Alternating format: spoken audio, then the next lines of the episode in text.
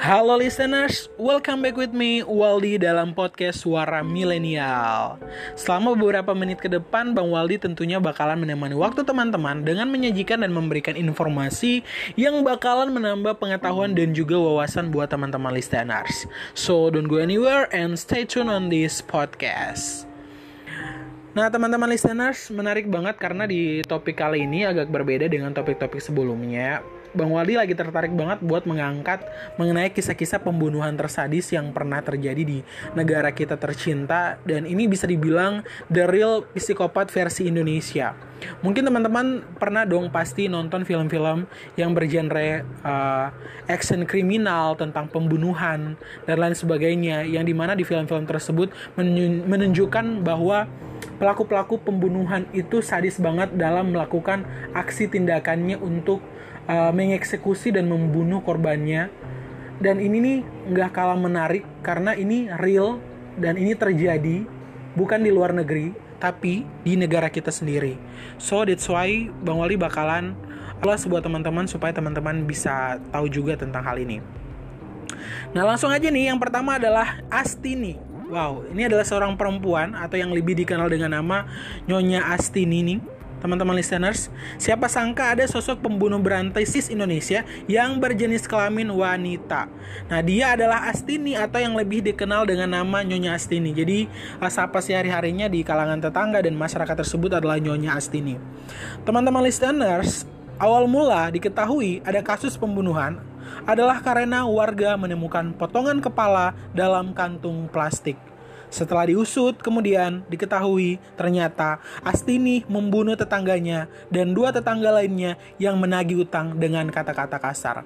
Jadi bisa dibilang nih teman-teman listeners, Nyonya Astini adalah uh, sosok perempuan yang memang punya temperamen yang cukup cepat marah uh, dan juga orang ini nih sedikit antisosial nih Nah, selanjutnya ya teman-teman listeners, Astini sendiri nih kemudian membunuh tiga tetangganya dan memutilasi tubuh korban menjadi 10 bagian. Jadi dia bukan hanya potong kepalanya aja, tapi dia potong tangannya, kakinya, bahkan badan badan uh, potongan badannya itu dipotong-potong sampai 10 bagian bahkan lebih nih teman-teman listeners. Nah, setelah difonis mati pada Oktober tahun 1996, Nyonya Astini sendiri kemudian dieksekusi dengan cara ditembak dalam posisi duduk dan mata terbuka pada Maret 2005 lalu.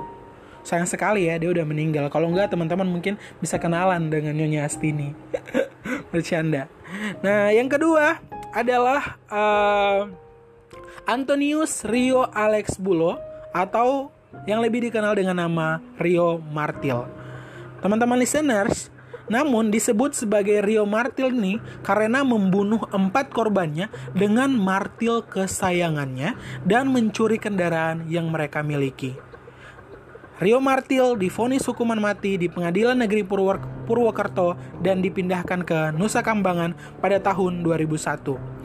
Namun teman-teman listeners, di tahun 2005 ternyata Rio Martil ini kemudian kembali membunuh dan kali ini dia membunuh korbannya adalah uh, teman satu sel tahanannya sendiri. Bayangkan nih.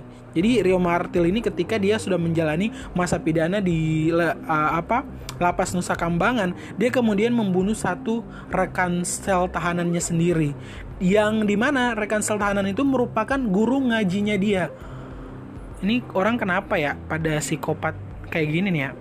Nah, akhirnya kemudian Rio Martil dieksekusi dengan ditembak mati pada tanggal 8 Agustus tahun 2008. Kita beralih ke kasus yang ketiga yaitu yang bernama Siswanto.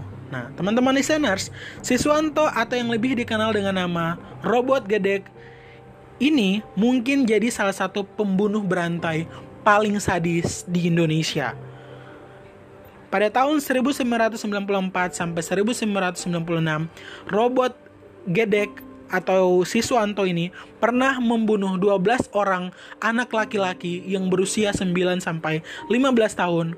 Bukan hanya membunuh, bahkan dia menyodomi korbannya yang sudah menjadi mayat, memutilasi, mengambil isi perut dan meminum darah korbannya.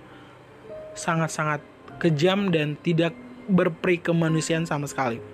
Kemudian teman-teman listeners, robot gedek sendiri ini mengaku selalu menikmati aksinya dan gak pernah bersalah. Ini nih, ciri-ciri orang psikopat nih. Selalu menikmati aksinya, aksi kekerasannya, dan tidak pernah merasa bersalah teman-teman listeners. Bahkan potongan tubuh tertentu dari korbannya ada yang disimpan sebagai kenang-kenangan. Wow, Anda mau disimpan sebagai kenang-kenangan? Bercanda ya. Nah, makanya kemudian robot gedek akhirnya dijatuhi hukuman mati atas perbuatan-perbuatan yang sangat keji dan kejam tersebut. Namun robot gedek ternyata dia tidak meninggal atau tidak mati karena uh, ditembak mati, tapi meninggal akibat serangan jantung pada Maret 2007. Nah, yang keempat, nah yang keempat ini mungkin teman-teman tahu karena ini uh, pernah viral banget di Indonesia pada masa-masa itu yaitu seseorang laki-laki yang bernama Rian Jombang yang nama semarannya. Nah, Rian yang dengan nama asli adalah Ferry Idam Henian Shah adalah pembunuh berantai Indonesia yang paling menggegerkan dan terkenal di Indonesia. Rian dikenal sebagai pembunuh berantai yang memutilasi korbannya. Rian sendiri nih ya, melakukan pembunuhan di dua tempat yang berbeda, yaitu Jombang dan Jakarta dengan total korban 11 orang. Awal mula diketahui Rian sebagai pembunuh adalah ketika ada penemuan tujuh mayat termutilasi yang berada dalam dua tas dan satu kantong plastik di daerah Jakarta. Setelah itu, sisa mayat lainnya ditemukan di lubang galian belakang rumah Rian di Jombang. Motif pembunuhannya kebanyakan karena sakit hati. Nah makanya ya teman-teman listeners ya Kalau kita berhubungan sama orang lain Apalagi orang yang baru kita kenal Yang belum tahu karakter dan perilaku mereka Itu jangan jangan, jangan sampai deh Kita tuh membuat orang-orang tuh sakit hati Kalaupun ketika kita punya masalah sama mereka uh, Ya diselesaikan secara baik-baik Secara kekeluargaan uh, supaya apa yang bisa diselesaikan itu terselesaikan gitu loh. Kita kan tidak tahu ya hati orang itu seperti apa. Jangan sampai ketika uh, sudah kita bikin orang sakit hati tapi setelah itu kita dikejar-kejar akhirnya kita menjadi korban pembunuhan. Gara-gara aksinya, Rian akhirnya diberikan hukuman mati dan bandingnya selalu ditolak. Oke, kita beralih ke kasus yang kelima, yaitu namanya Babe Baikuni. Teman-teman listeners, walaupun nama Babe Baikuni ini sedikit asing, tapi Babe Baikuni ini nih jauh lebih menyeramkan daripada Rian. Kenapa? Karena di tahun 2010 yang lalu, ditangkaplah Babe Baikuni, pembunuh berantai dan pelaku kekerasan seksual pada anak-anak. Semua pelakunya dibunuh, disodomi, dan dimutilasi. Wow, hal ini bisa terjadi karena Babe Baikuni sendiri punya trauma masa kecil yang dilampiaskan pada korban-korbannya. Babe Baikuni mengaku sudah membunuh, menyodomi, dan memutilasi 14 orang anak laki-laki yang masih di bawah umur. Namun, usut punya usut nih ya, ternyata polisi memperkirakan masih ada 50 orang lainnya yang sudah jadi korban Babe Baikuni.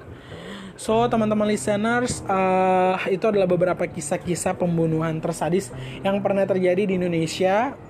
Nanti kalau ada lain kesempatan, Bang Wali bakalan mengulik salah satu uh, kisah. Kita bakalan kupas tuntas dari mulai motifnya, kronologi kasusnya seperti apa, bahkan sampai putusan hukumnya seperti apa. Dan itu pasti bakalan menarik banget untuk dibahas. So, semoga ini bisa menjadi pelajaran buat kita agar kita kepada orang lain itu uh, apa ya lebih ketika ada masalah harus diselesaikan secara baik-baik secara kekeluargaan. Jangan sampai kita membuat orang lain sakit hati dan kemudian kita menjadi korban-korban kekerasan.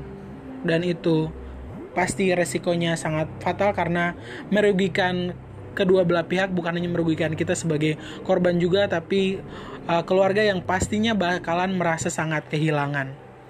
So, selalu stay safe dalam berhubungan. Jangan bosan-bosan buat dengerin podcast saya. So, see you in another podcast dan sampai jumpa.